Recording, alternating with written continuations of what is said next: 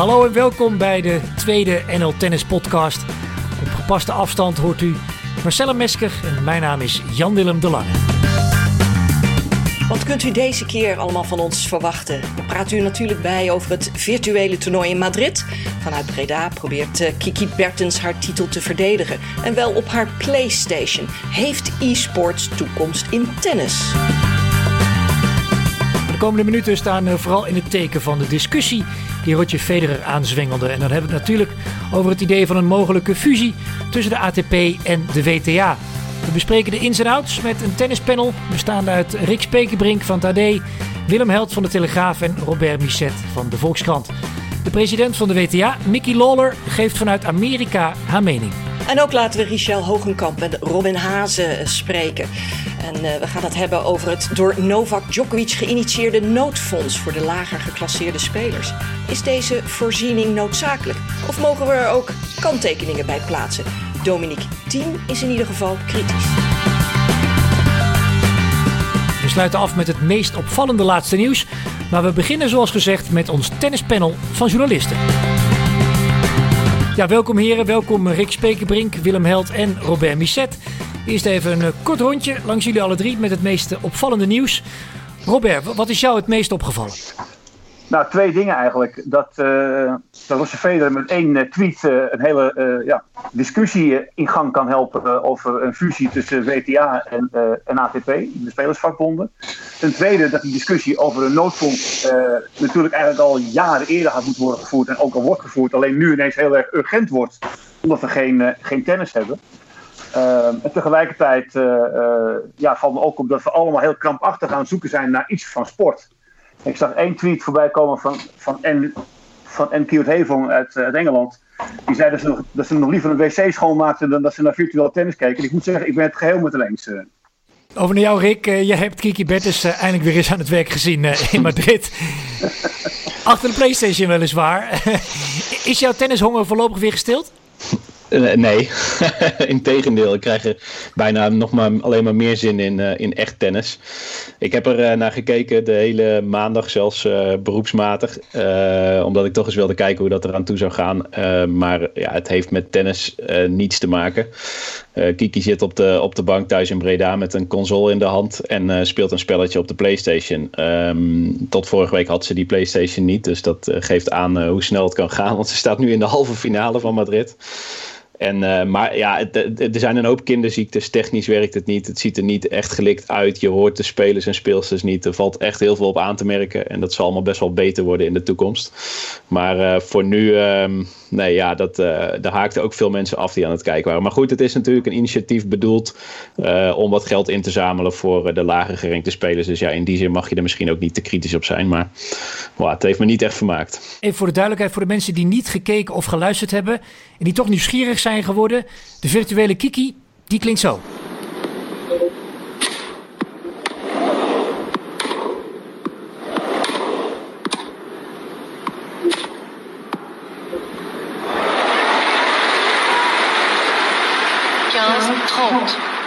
Goed, uh, terug naar de mensen van uh, vlees en bloed dan maar, uh, al is het via Skype. Over naar het derde panellid, Willem Held van de Telegraaf. Willem, jij volgt tennis, de tennissport al, al heel wat jaartjes. Maak je je eigenlijk zorgen over de tennissport? Ja, ik maak me zorgen over sport in zijn algemeenheid voorlopig. Dus ook over de tennissport. Ja, nou ja, ik, het is vooral vervelend dat heel veel mensen, waaronder ik zelf, niet kunnen tennissen. En er zijn er honderdduizenden in Nederland die dat op dit moment niet kunnen doen. dat is niet leuk. Er moeten andere manieren verzinnen om in beweging te blijven. Ehm, jeugd mag gelukkig weer wel, maar ehm, nou ja, mijn vriendin eh, die zou competitie spelen en dat gaat voorlopig niet door. Ik was zelf uh, 30 jaar niet zo actief op de tennisbaan, maar ik was al een, een heel aardige comeback bezig. En dat, 2020 moest mijn jaar worden, maar ja, ik kan nergens tennissen. Um, dus um, ja, ik vind dat, dat, dat is vooral heel vervelend in Nederland. En um, ja, de professionele sport die, die heeft het zwaar. We weten niet wanneer het gaat beginnen. En heel veel mensen en evenementen die, die, die komen geld tekort nu en in de toekomst. En dat is zorgelijk, ja. Als je nou kijkt naar, naar de Nederlandse profs in het bijzonder, hè, zie jij echt het, het verlies van een generatie ook? Nou ja, het is natuurlijk in Nederland uh, wel zo. Als onze beste Nederlandse tennissers zijn vrij oud. Uh, Robin Haas is 33, Kiki Bett is 28, Arantxa Rus 29 volgens mij. ja, dat zijn de beste drie. en en ja, die verliezen misschien wel een heel jaar. En die gaan ook niet uh, heel erg lang door nog. Dat is, dat is niet goed voor het Nederlandse tennis. Want dat zou uh, misschien dat Kiki dit jaar op Roland Garros wel iets heel bijzonders kunnen gaan doen. Nou, dat gaat er waarschijnlijk niet van komen. Um, en de jongere generatie van rond de 20, die is op dit moment in Nederland niet heel erg goed. Niet heel veel beloven. Dus um, ja, het is niet gunstig voor het Nederlandse toptennis ook. Tijd voor het grote tennisverhaal van de afgelopen weken. Er wordt al sinds de jaren 70, als het niet eerder is, over gesproken. En dan heb ik het over het idee van een gecombineerde dames- en herentour. En nu tennis helemaal plat ligt, laat het gesprek over een mogelijke fusie weer hoog op. Tja, waar een tweet van een verveelde Roger Federer al niet toe kan leiden. En het is dus niks nieuws onder de zon, dit idee. Maar de omstandigheden zijn uniek. Heren van het panel, we zijn erg benieuwd naar jullie mening. Maar we gaan eerst even luisteren naar de president van de WTA-tour, Mickey Lawler. Ze is Nederlandse, woonachtig in Florida. En ze vindt het idee van een fusie in beginsel een hele logische. Luister maar even. Tussen de ATP en de WTA zijn er natuurlijk heel veel duplicaties. We, doen, we zijn twee organisaties die vaak hetzelfde doen. En um, dus het is natuurlijk het moment om een hele serieuze poging te maken om de twee organisaties veel uh, dichter bij elkaar uh, laten komen. Ik hoop dat dit het moment is. Want als dit niet het moment is, dan weet ik niet wanneer het komt. Ja, Mickey Lawler was dat. Marcella, jij sprak haar. Mickey, uh, die voelt duidelijk de urgentie voor de fusie. En ze houdt zich niet in, hè? Nee, ze was uh, opmerkelijk openhartig. En dat uh, voor haar uh, s ochtends om zeven uur, nadat ze al een call uit China had gehad. Dus tussen het ontbijt en het douche door. Ehm, ja, vertelde ze toch wel een paar indrukwekkende dingen. Um, nou ja, die duplicaties zijn duidelijk op, op financieel gebied, op juridisch gebied, marketing, sociale data. daar lopen de organisaties parallel. En um, ja, waar ze zich natuurlijk ook wel zorgen om maakt, is dat de financiële reserves van zowel AT ATP als van de WTA behoorlijk leeglopen. Zijn geen tv-inkomsten, uh, geen sponsorinkomsten en uh, ja, het droogt langzamerhand op. Wat ze ook vertelde is dat ze, ze ontzettende fan is van die uh, ja, nieuwe CEO van de ATP, Andrea Gaudenzi. 48 jaar, voormalig toptennisser, drie toernooizeges. Um, jurist, een geweldige zakelijke business achtergrond. En hij is fan van samenvoeging. Hij wil dat al hele lange tijd. En ze zei letterlijk, hij is een geweldige fan. En dat uh, samenvoegen, dat zie ik met hem echt wel zitten. Ze benadrukte ook, die samenvoeging, WTA, ATP, het is nu of nooit. Ja, dan is natuurlijk de vraag welke groep het meest gebaat is bij een eventuele combinatie van de tours. Je kunt denken aan uh, spelers of speelsters, commerciële partners van de tours.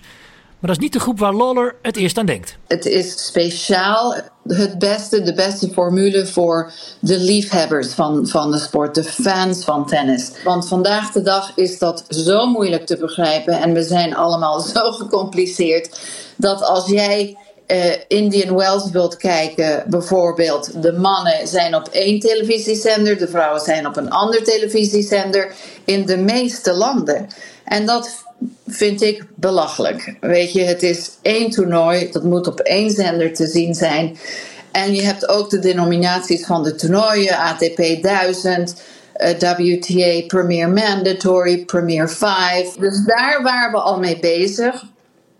En we komen uit met een, nieuwe, een hele nieuwe campagne in uh, januari van 21. En uh, de de benoeming van de toernooien die gaan uh, veel meer met eh, ATP te maken hebben, godzijdank. Ja, Loller die, eh, die verwoordt hier de frustratie van, van veel tenniskijkers. Hè. Zelfs een doorgewinterde fan die raakt volgens mij nog wel eens de weg kwijt als hij wil weten op welke zender een bepaalde wedstrijd te zien is.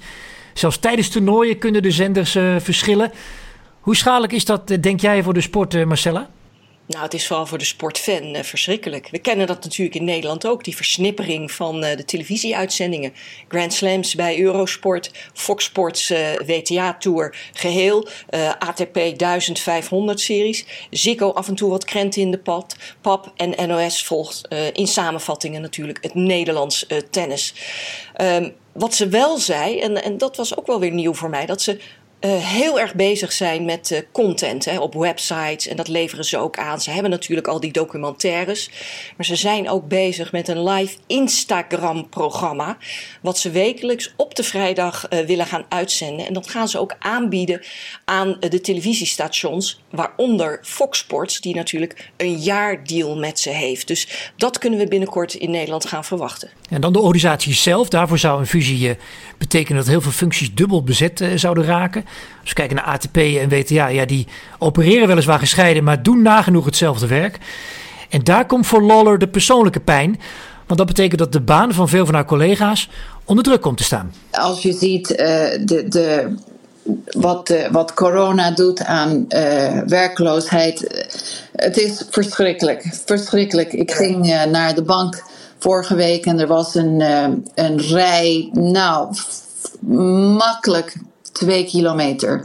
Van mensen die wachten op hun uitkering, dat, anders zitten ze op straat. En het was onmogelijk om die dag door die hele rij te kunnen komen voor, voor, voor het bureau van, uh, van, van de staat ja, in dat gesprek dat ik met haar had, ze zegt ja, uh, met uh, die uh, eventuele fusie, wat moet ik met mijn mensen? Ik wil niet dat ze daar ook in die rij moeten staan. Hè? maar ja, onze financiële reserves zijn er niet. We hebben nauwelijks meer inkomsten. Het zal echt een kwestie van jaren zijn voordat we hiervan terug kunnen komen. En ja, je probeert iedereen heel te houden. Maar de vraag is of dat gaat lukken. Ja, en als je dan de verhalen leest uh, die, die, die inmiddels zijn verschenen. Bijvoorbeeld uh, een idee van Darren Cahill, uh, de Australische coach. Moet er niet één commissaris komen die dan boven de partijen zou komen te staan? Nou, je hebt natuurlijk die, die zeven stakeholders, hè, de vier Grand Slams, ATP, WTA en de ITF. En daar wordt natuurlijk ook al jaren over gepraat. En nou ja, het is nu inderdaad onderhandelen tussen ATP WTA. Ja, wie wordt de baas, de leider, welke CIO? Wie onderhandelt er eigenlijk over het eigen verlies van zijn baan. Nou, Mickey vertelde mij dat het uh, aan de top geen probleem is. Kijk, zij heeft ook wel de schaapjes op het droge. Andrea Gadensi is ook voor de toekomst. Maar misschien is het wel een idee om één commissaris. En dan heb ik het niet over John McEnroe, die altijd de commissaris speelt op Eurosport. Maar één grote commissaris als uh, ja, topbestuurder te plaatsen boven de ATP en de WTA dan zouden ze ook een betere onderhandelingspositie kunnen hebben met uh, bijvoorbeeld de Grand Slam toernooien. Hè, en met de hele uh, media- en, en televisiewereld. Dus dat zou ook een, uh, een, een idee kunnen zijn.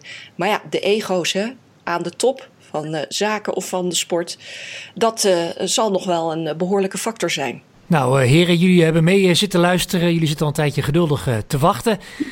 Om te beginnen, eh, hoe schat jullie eh, de kans van slagen van deze fusie in? Een percentage graag. Om te beginnen met jou, eh, Willem.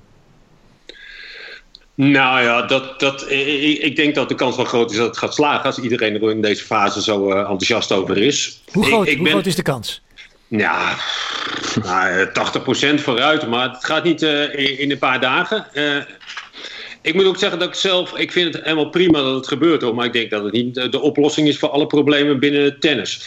Want um, ik denk veel meer dat uh, de samenwerking met de ITF uh, uh, beter kan. Um, voorbeeld die verplaatsing van Roland Garros zonder met, met iemand te overleggen en dat doen vlak na de US Open terwijl ook de Lever Cup plaatsvindt. Ja, dat is schandalig voor het tennis, maar dat heeft nou niks met een mogelijke fusie van die twee um, spelersvakbonden te maken. Um, ik denk dat de grote problemen in tennis niet opgelost worden door een fusie van van deze twee uh, organisaties. Maar het kan wel uh, voordelen opleveren. Al denk ik dat de dames uh, moeten zorgen dat ze goed vertegenwoordigd blijven in de nieuwe organisatie. En dat ze niet ondergesneeuwd raken. Ik vind het ook nog niet zo gek dat ze een eigen organisatie hebben waarbij ze dus extreem goed voor zichzelf op kunnen komen. En niet met de heren rekening hoeven te houden. Want ze moeten wel goed voor zichzelf blijven opkomen. Zeker weten. Rick, plak jij er eens een percentage op? Nou, ik zou zeggen uh, uh, 70 procent. Ehm, kijk, als iedereen het wil, dan, dan, dat, dan heb je een basis. Dan kan, je, dan kan je aan de gang, zou je denken. Maar er zijn natuurlijk wel wat, uh, wat haken en ogen. Want er zijn, wat jullie zeggen, ze doen voor een deel hetzelfde werk. dat, dat, volgens mij is er geen enkele sport met een aparte damesbond en een vrouwenbond. Als het gaat om, om vertegenwoordiging althans. Dus ja, dat, dat is misschien heel ouderwets. Aan de andere kant, er zijn ook veel verschillen. de regels, de financiën, het toernooischema maar de, de punten. Uh, inderdaad, de televisie. Ja, daar moet, dat, daar moet je allemaal goed naar kijken. Dus het is ook niet zo dat je dat met, uh, met een paar klappen uh, rondkrijgt. Maar goed, ik denk dat het op zich niet onlogisch is om er eens goed naar te kijken. De, je ziet in alle sporten dat er nu bewegingen ontstaan. dat er eens goed wordt nagedacht van zijn wij goed ingericht. En ja, daar is zo'n tijd misschien dan toch nog nuttig voor. Dus het zal best wel van de grond komen. alleen niet van vandaag op morgen inderdaad. Twee optimistische heren waren dat. Robert, ik ben benieuwd naar jouw geluid. Nou, mijn percentage ligt iets lager. Ik denk dat ik 50-50 al heel uh, optimistisch vind. Kijk, laten we niet vergeten, uh, het vrouwentennis uh, heeft een hele, ja, vind ik relatief een zwakke positie in dit verhaal. het mannentennis is namelijk veel populairder.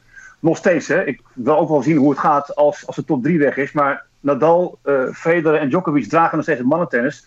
Mannentennis verkoopt, de toernooien trekken veel publiek.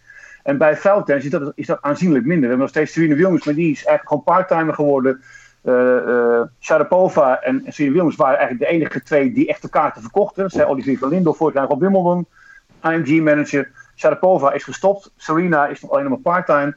Uh, ik hoor Serena ook helemaal niet in dit verhaal trouwens, wat ik zeer opmerkelijk vind. Ik hoor eigenlijk alleen maar Billie Jean King, de oprichter van de, van de, van de WTA-tour. Maar ik ben het eens met Rick. Uh, er zijn grote verschillen uh, qua niveau, qua, qua uitstraling. Uh, er zijn heel veel vrouwentoernooien waar uh, weinig naar gekeken wordt. Er zijn grote verschillen ook in regels. Ik had, toevallig had ik Robin Haas even gevraagd of hij al klaar was om te worden gecoacht op de baan. toen moest hij erg, erg lachen. Zei nee, dat gaan we niet doen. maar vrouwen doen dat natuurlijk wel. Dus hoe ga je dat, hoe ga je dat allemaal aanpassen? De rankings zijn verschillend. Het is niet uit te leggen aan, aan tennisliefhebbers dat we bij de Masters en in, in wel een andere namen voor de vrouwen. Het zijn allemaal dingen die, die je wel kunt overeenkomen. Alleen er gaat meer geld om in het mannentennis dan in het vrouwentennis. Dus het, zeg maar, het product, om dat woord te gebruiken, mannentennis is sterker dan, dan vrouwen. Dus ook in dat terecht wat Willem zegt, de vrouwen moeten juist heel erg voor zichzelf opkomen. Uh, en de vraag is of dat gebeurt inderdaad in een nieuwe organisatie. Het komt ook, hè, denk aan sport en volleybal, waar Willem en ik allebei in zitten. Uh, vrouwenvolleybal is net zo uh, aantrekkelijk als mannenvolleybal. Uh, dus dat kan je heel makkelijk in één bond doen. Dus het, het, is, het is niet echt een andere sport. En vrouwentennis op lager niveau heb ik wel eens het gevoel dat ik naar een andere sport zit te kijken. Dat bedoel ik niet negatief naar, naar de vrouwen toe.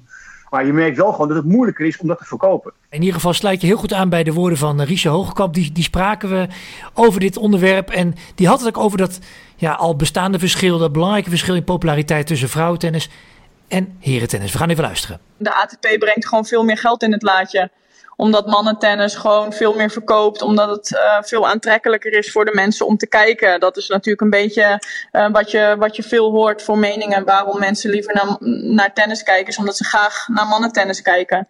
Um, en dat is natuurlijk voor de vrouwen is dat, is dat jammer om te horen.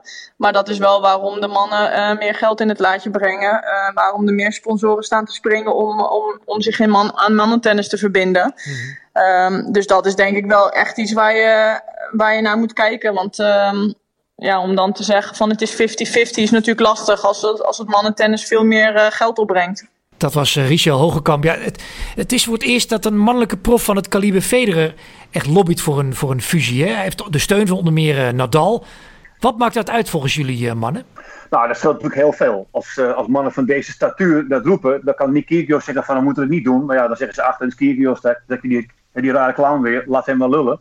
Uh, maar als deze mannen hiervoor gaan staan, uh, is dat duidelijk. De vraag is of Djokovic er ook zo over denkt. Ik denk dat, uh, ik zie toch altijd wel een klein beetje dat Federer en Nadal trekken nou eenmaal graag samen op. Djokovic is natuurlijk nu wel de, de belangrijkste vertegenwoordiger in die, in, die Players Council. Dus het is wel belangrijk dat zij één front vormen. Maar soms schuurt het wel tussen die drie. Je voelt wel eens dat Djokovic een andere kant op wil dan Federer en Nadal. dat bleek ook wel toen bij die hele Players Council, ook, ook bij het noodfonds. Maar ja, als deze man er, echt voor gaan staan, dan, dan zie ik Federer als de ideale eerste president van de nieuwe bond. Dat lijkt me wel. Hij is de ambassadeur van het, uh, van het tennis. Een man die overal deuren opent, die echt denk ik overal binnenkomt. Ook bij grote bedrijven, uh, regeringen, noem maar op. Dus ja, als je nou één zo'n ideale ambassadeur die dat zou kunnen doen, al is het maar misschien symbolisch met andere mensen erachter, dan is hij dat. En dat zou denk ik wel een geweldige katalysator kunnen zijn, ja. Ja, en als we dan even bij Federer blijven, je hebt natuurlijk ook de interessante kwestie Welke rol speelt eventueel het marketingteam van Federer op de achtergrond bij het opstellen van, van zo'n tweet als deze? Rick, wat denk jij? Ja, laten we niet te naïef zijn. Uh, overal is over nagedacht. En uh, al, als hij al zelf twittert, wat ik me zeer afvraag bij dit soort atleten, dan is daarover nagedacht. En je zag ook binnen no time hadden er zoveel mensen op gereageerd dat dat, dat, dat vast bekend was dat hij zich daarover zou roeren. Maar goed, dat, dat geeft helemaal niet verder. En um, er zijn grote partijen. Ik sprak Bibiane Schoofs en Robin Hazen. En Robin Hazen vertelde ook, ja, managementbureaus hebben, hebben stiekem zo grote vinger in de pap in het tennis. Want die vertegenwoordigen niet alleen een aantal toppers, maar er zijn ook, uh, zitten ook uh, bijvoorbeeld uh, voor de helft in organisaties van hele grote toernooien. En die hoor je nooit, maar als die bijvoorbeeld om bepaalde redenen denken dat, dat hier hun eigen spelers of toernooien niet bij gebaat zijn. Nou, dan, dan zijn ze tegen en dan heb, je heb je toch een hele kluif daaraan waarschijnlijk. Dus er zijn veel krachten uh, in het tennis. Misschien kunnen we het geheel een beetje in, in historisch perspectief plaatsen. Ga ik over naar jou, Marcella. Jij zat immers in de boord van de WTA, als ik me niet vergis, secretaris begin jaren 80. En toen was de discussie over één tour voor mannen en vrouwen. Het klinkt gek, maar dat was toen al bijna stoffig. Waren de pijnpunten toen ook dezelfde eigenlijk? Nee, die waren veel erger, joh. Uh, vrouwentennis stond bij lange na niet waar ze nu staan. En ja, Billie Jean King had ooit de droom, 50 jaar geleden, om wel samen te gaan. De mannen zeiden keihard nee. En zo is eigenlijk in 1973 de WTA uit noodzaak uh, geboren. Uh, en in die tijd, ik kan me ook herinneren, al die boardmeetings, het, het ging heel vaak over de mannen. The men are doing this. Uh, the calendar of the man is that. Weet je, voortdurend vergelijken. hun rankingssysteem is zo, moeten wij het ook niet zo doen. Dus wij liepen voortdurend achter die mannen aan. Prijzengeld was ver, ver uh, onder de mannen. Media-aandacht, sponsoren was bij lange na niet wat het nu is. Maar met de tijd hebben we toch wel uh, die achterstand aardig ingelopen. Liggen we nu misschien uh, qua prijzengeld, zeker bij de Grand Slams, op gelijke hoogte. En ja, zitten we bijna op gelijke hoogte. Dus het is nog dat laatste zetje wat we nodig hebben om op gelijke hoogte te komen. Ja, en dan is uh, de droom van uh, Billie Jean King echt wel verwezenlijkt. Ja, ze riep ook in, de New York Times uh, onlangs dat de, de, oprichting van de WTA in de jaren 70 echt eigenlijk een plan B was. Waarom kwam plan A toen niet van de grond? Nou ja, die mannen die toen de leiding hadden, die zeiden gewoon keihard nee, we willen die vrouwen niet. Dat is uh, vijfde wiel aan de wagen. En de mannen speelden toen ook uh, in de grote steden, hè, Londen, Parijs, New York, hè, grote arena's, Madison Square Garden in uh, New York. Ja, en de vrouwen die werden naar kleine markten een beetje uh, gedrukt. Hè. Wij speelden de grote toernooien in Hilton Head, Amelia Island. Nou, waar ligt dat? Hè? Uh, Carolina, Florida. Ja, en inmiddels gaan wij ook naar de grote steden. En hebben wij zelfs met de tourfinals in China met 14 miljoen dollar prijzengeld uh, het beter voor elkaar dan de mannen. Dus uh, de slogan uh, van Virginia Slims, de sponsor destijds, Baby, you have come a long way. Nou, die is daadwerkelijk wel van toepassing. We natuurlijk ook die aloude discussie over de verdeling van het prijzengeld. Hè. Kun je dat zomaar 50-50 doen? Het gebeurt er wel bij de Grand Slams, maar niet bij, bij de andere toernooien. Kan die puzzel worden gelegd, heren? Om, om te beginnen bij jou, Willem? Nou, ik vind het niet uh, een ABC'tje dat de dames nou bij elk toernooi evenveel moeten verdienen dan uh, de mannen. Ik vind dat ze uh, blij mogen zijn dat het bij de Grand Slam toernooien gebeurt. Um, ja, het is duidelijk, zoals Richard Hoogkamp ook net zei, dat er hier en daar meer belangstelling is voor mannentennis dan voor vrouwentennis. Ligt ook aan wat voor mannen uh, erop komen dagen natuurlijk. Ik denk dat je liever naar Sharapova tegen Williams kijkt dan naar Goffin tegen Rublev of zoiets. Maar um, over het algemeen uh, gaat er meer, uh, kijken er meer mensen naar het mannentennis en komen er meer sponsors uh, voor de mannen over de brug. Um, ja, als de stap moet zijn dat iedereen bij elk toernooi evenveel moet verdienen, um, zet ik nog mijn vraagtekens bij. Moet, moet straks dan ook ieder toernooi, uh, zoals in Rotterdam, uh, dubbel gender zijn? Is dat de bedoeling van die fusie? Ik weet niet of dat helemaal haalbaar en verstandig is. Uh, weet jij dat, Marcella?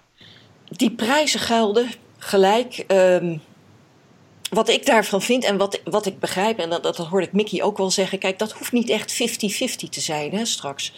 Uh, dat kan gewoon ook uh, ja, naar verdeling van inkomsten. Als de mannen meer uh, opbrengen, nou ja, dan krijg je een, een 60-40 verhouding qua verdeling. Maar wat ik nog wel even wil zeggen in deze hele discussie, want we hebben het natuurlijk over Federer, Nadal, Djokovic. Hoe lang spelen ze nog? Hè? Nou, zeg drie jaar, twee jaar, misschien Djokovic vijf jaar. Afgelopen jaar in Amerika. Wie was het grote uh, kanon wat betreft de kijkcijfers? Niet Federer, niet Nadal, niet Djokovic. Uh, ook geen Amerikaanse spelers. Het was Coco Gauff. Dat was de story van het Amerikaanse tennis. En die gaat de komende vijf tot tien jaar echt wel dat vrouwentennis domineren.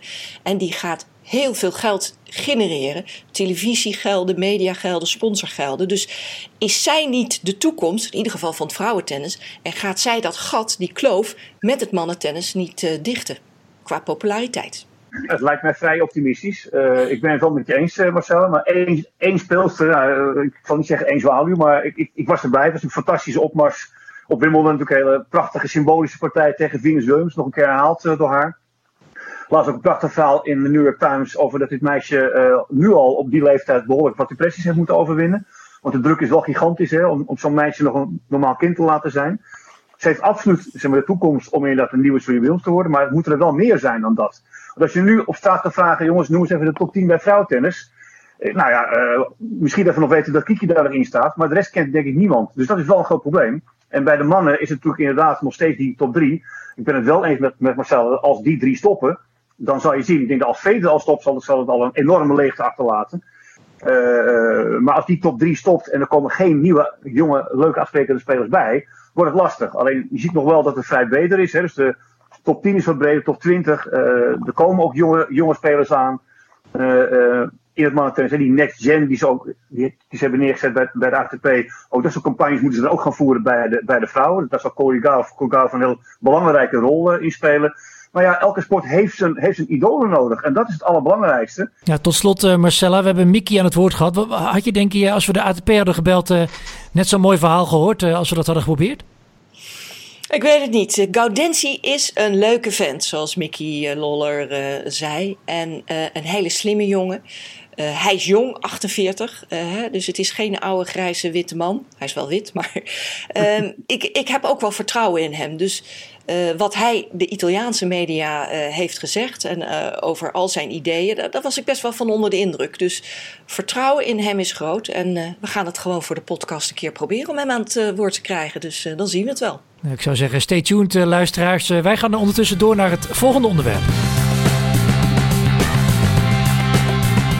Ja mannen, er is al eh, heel veel gezegd en geschreven over de verschillende noodfondsen die lager geclasseerde spelers tegemoet gaan komen. Uh, Djokovic wil uh, bij de top 100 4 miljoen dollar ophalen. De Grand Slams zijn bereid ook allemaal 1 miljoen bij te dragen. ATP, WTA 2 miljoen met z'n tweeën. Dus dan kom je totaal wel op ongeveer 10 miljoen dollar uit. Dat is nogal wat.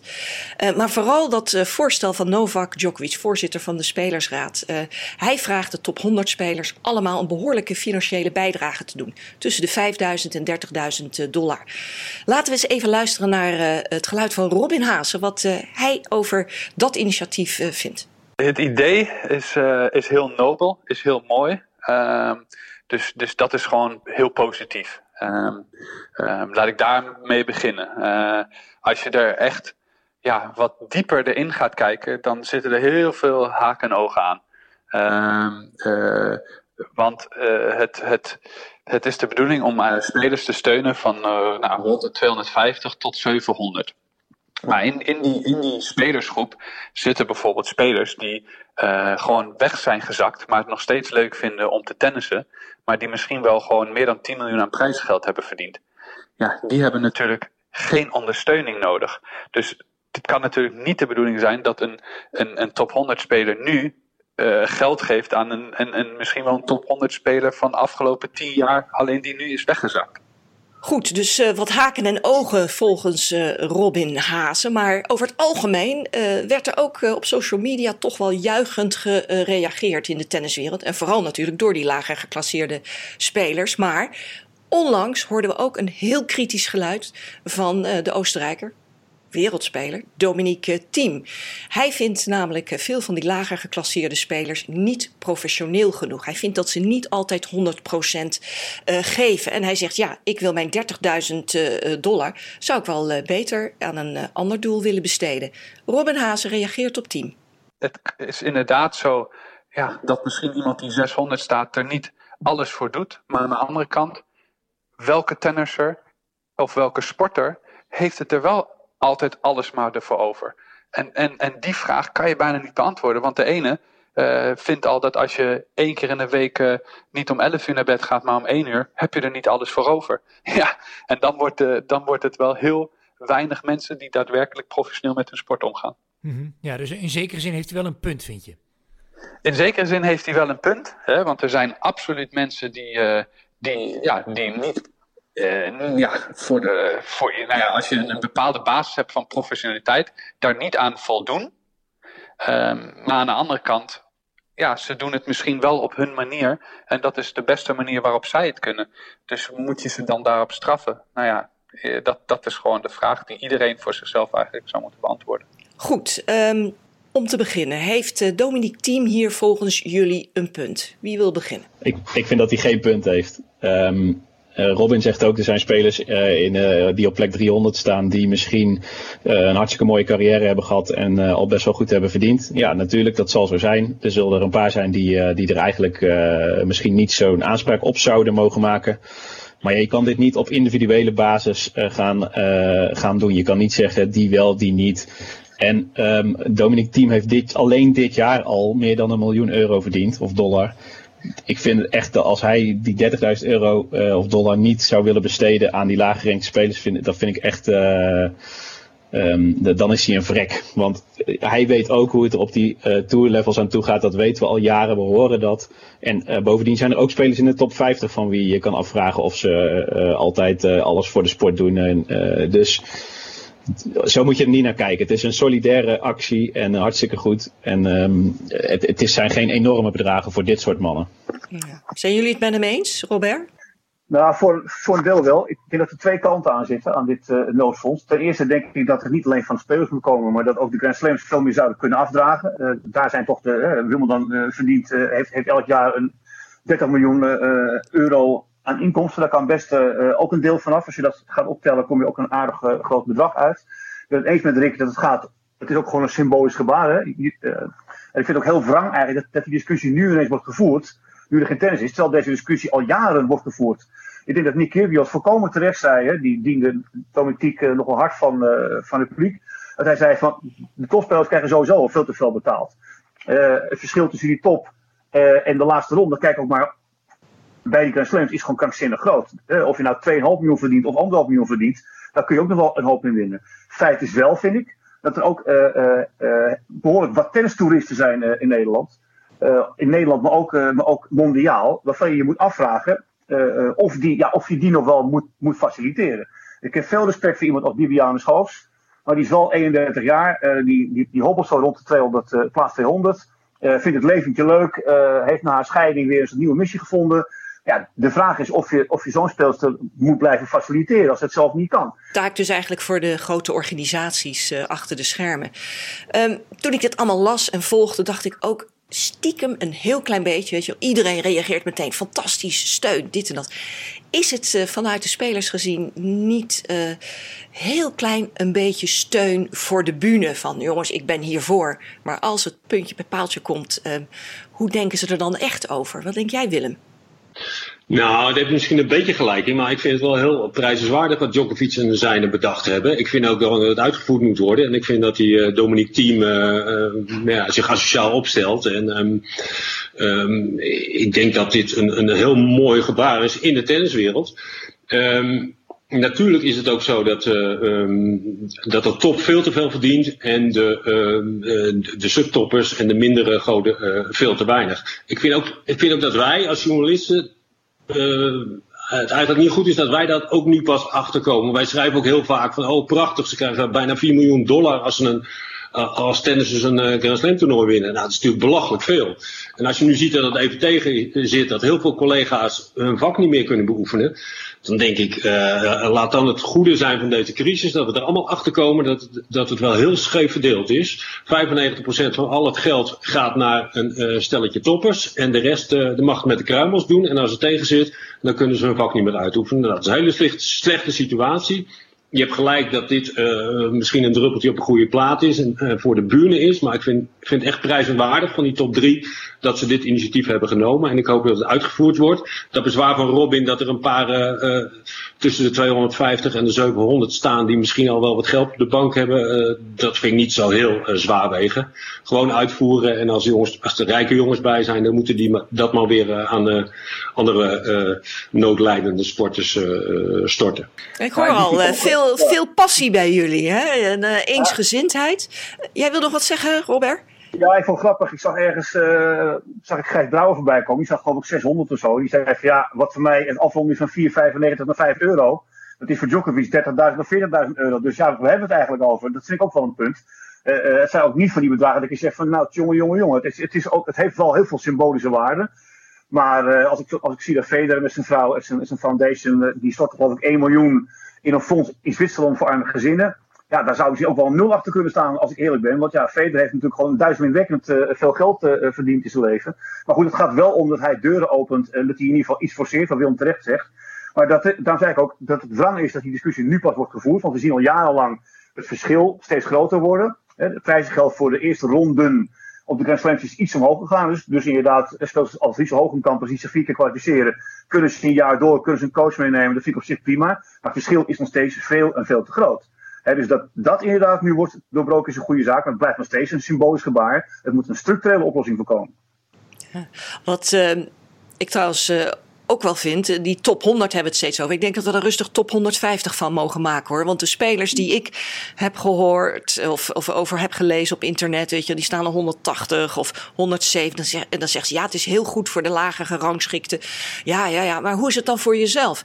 Ja, nou, voor mij valt het wel mee. Ik heb wel wat spaarcentjes en ik heb een beetje geluk met een sponsor. Of mijn bond uh, helpt me mee. Dus ik denk dat we die grens van top 100 best een beetje mogen verleggen. Want zo slecht hebben de top 100 150 spelers het uh, ook weer niet. Ik heb trouwens nog wel een andere vraag. Ik weet niet of jullie dat weten. Als we het even op Nederlands tennis uh, betrekken. Onze Nederlandse tennissers, hebben die überhaupt recht op onze overheidssteun? De TOZO-bijlage van of 1000 of 1500 euro per maand voor drie maanden. Mogen onze tennissers dat aanvragen? Ja. Weten jullie dat? Ja, maar alleen als uh, ZZP'er zijn en dus geregistreerd bij de KVK. En dat geldt niet voor allemaal. Ja, ik heb, ik heb vandaag nog van iemand bij NOC-NSF begrepen uh, dat, er, dat er ook uh, gekeken wordt naar Nederlandse sporters die hun geld in het buitenland doorgaans verdienen. Als die dat kunnen aantonen dat, daar, dat ze nu geen inkomsten meer hebben, dat ze toch ook in aanmerking komen voor, voor ondersteuning. Hoe het precies zit, weet ik niet. Maar ik, de, de grens uh, verschuift wel een beetje. Er zijn steeds meer sporters die een beroep kunnen doen op een uh, fonds van de overheid of NRC en NSF. Maar vraag me niet naar de details. Nee, die worden nog ingevuld. Ja. Maar je ziet dus nu ook gewoon gebeuren dat uh, ik denk toch ook gewoon dat een, dat een generatie daar sneller zal stoppen. Voor spelers inderdaad, ja, Brouwer, maar ook ik zag, ja, Jelle zelfs, er zijn nog wel een paar. de ene gaat gewoon pizzacourier worden, de andere die wordt gewoon bezorgen. Ja, ze gaan andere baantjes zoeken. Want ja, alleen, alleen die zeg maar, tegemoetkoming is niet voldoende om van te leven. Dus en je kunt je ook inderdaad, er zijn heel veel spelers die zich gaan afvragen, ja, misschien moet ik nog wel een jaar wachten. Dan ben ik straks 26, ik sta 400, 500 op de wereldranglist. Wat heeft het nog voor zin? Dus je zal ook denk ik nog, nog wel een, een, behoorlijke verschuiving gaan zien. En een soort versneld afscheid van een hele generatie tennissers die het nu al heel moeilijk heeft. En die, die niet meer kan wachten op vier, vijf maanden of, of er nog nieuw perspectief is. Dus ik ben benieuwd. Kijk, Kiki Bertens kan nog een jaar lang blijven puzzelen. Die heeft prima voor elkaar. Uh, maar die anderen natuurlijk niet. Dus uh, uh, ik vraag me af hoeveel tennissers over een jaar nog aan de aftrap staan in Nederland. Nog één laatste ding. Ehm, daar refereerde Dominic Thiem ook nogal aan. hij zegt ja, topsport is natuurlijk wel vaak de strijd van de sterkste. Hij zegt, ik heb me ook helemaal naar boven moeten werken. Ehm, ja, het, het, kaf wordt van het koren uh, gescheiden. Hè? Um, ondernemersrisico, ja, wie is de beste? Hoort dat niet een beetje bij topsport? Hè? Het is natuurlijk, zit natuurlijk in een aparte sector. Het recht van de sterkste, de strijd van de sterkste. En ja, als je niet goed genoeg bent, dan haal je het gewoon niet. Ja, dat, dat is wel een beetje zo, vind ik. Maar het verschil is zo groot. En in andere sporten zijn de verschillen ook wel groot, maar er zijn in, in, in de wereld toch vele duizenden voetballers die heel veel geld verdienen. En als er in een grote sport als tennis maar uh, uh, een paar honderd spelers zijn die er fatsoenlijk van kunnen leven, en dan de top is ook nog puissant dan is, dat, is de balans niet in orde en dan moet je er wat aan doen. Dus natuurlijk gaat het om winnen en verliezen en mogen de winnaars meer verdienen, maar niet met die grote verschillen. Lijkt me eens. Uh, maar wat er wel bij komt, kijk, team heeft in die zin natuurlijk een punt. Hè. Uh, het mooie van tennis is dat, dat we allemaal eerst door, door die jungle heen moeten. Hè. Dat is ook een beetje de, bijna een soort charme en romantiek in het vak. Je begint op de futures. Uh, zoals, zoals toen ooit helemaal sluiten terugkeerde weer naar de futures. En ergens op een baantje achter een hotel zijn eigen, zijn eigen baantje veegt met zijn eigen ballen. en weer opnieuw zijn rankingpunten moet, moet gaan verdienen. en de goede komen er doorheen. degenen die, die niet genoeg, ja, goed genoeg zijn, komen er niet doorheen. Dat is zeker waar. Alleen, uh, het moet wel zo zijn dat ze ook de kans krijgen, ook financieel, om zich te ontwikkelen. Nou, lijkt me, lijkt me mooie woorden, Robert, uh, om uh, dit tweede onderwerp en laatste onderwerp voor het panel alweer mee af te sluiten. Ik wil jullie bedanken voor jullie tijd en jullie interessante bijdrage. En fijn dat jullie je debuut wilden maken bij deze podcast. Graag gedaan. Dank je jongens. Graag gedaan. Tot slot uh, nog wat tennisnieuws uh, en dan bent u weer helemaal op de hoogte.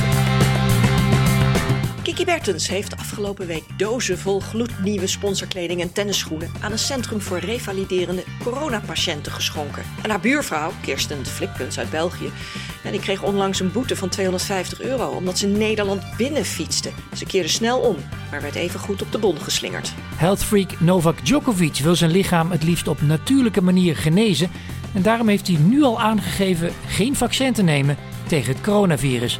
En kent u hem nog, de Duitser Nicolas Kiefer, voormalig nummer 4 van de wereld? Hij is bezig voor een goede zaak. Hij produceert mondkapjes van zijn eigen online kledinglijn Kiwi. Het is nog maar de vraag of Roland Garros dit jaar überhaupt nog gespeeld zal worden. De minister van Sport in Frankrijk zei het tijdelijk zonder sportwedstrijden moeten doen, is zeker niet het einde van de wereld. Dominic Thiem en Karin Gatjanov lagen al vroeg uit het virtuele toernooi van Madrid.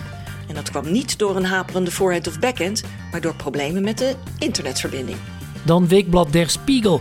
Daarin vertelde Roland Garros dubbelkampioen Kevin Krawic dat hij in coronatijd vakkenvuller in de supermarkt is. Gewoon omdat ze daar dringend behoefte aan personeel hebben. En dan de grap van Stefanos Tsitsipas. Hij zette het mobiele telefoonnummer van vriend Kyrgios op sociale media en riep iedereen op de Australiër met zijn 25e verjaardag te feliciteren. Nou, daar is hij lekker mee zeg.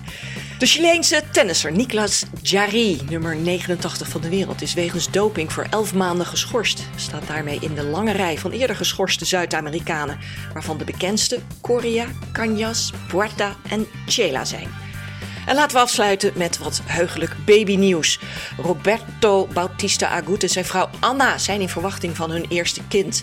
Net als de Fransman Pierre-Hugues Herbert en zijn verloofde Julia. Ja, en met dat uh, vrolijke nieuws komen we aan het einde van onze tweede podcast. Mochten jullie uh, de interviews met uh, Mickey Lawler, Richel Hogekamp en Robin Haase in zijn geheel willen beluisteren, dan kan dat uiteraard op onze website nltennispodcast.nl. En deze podcast is op iedere eerste dinsdag van de maand te beluisteren. En de volgende is om precies te zijn op 2 juni.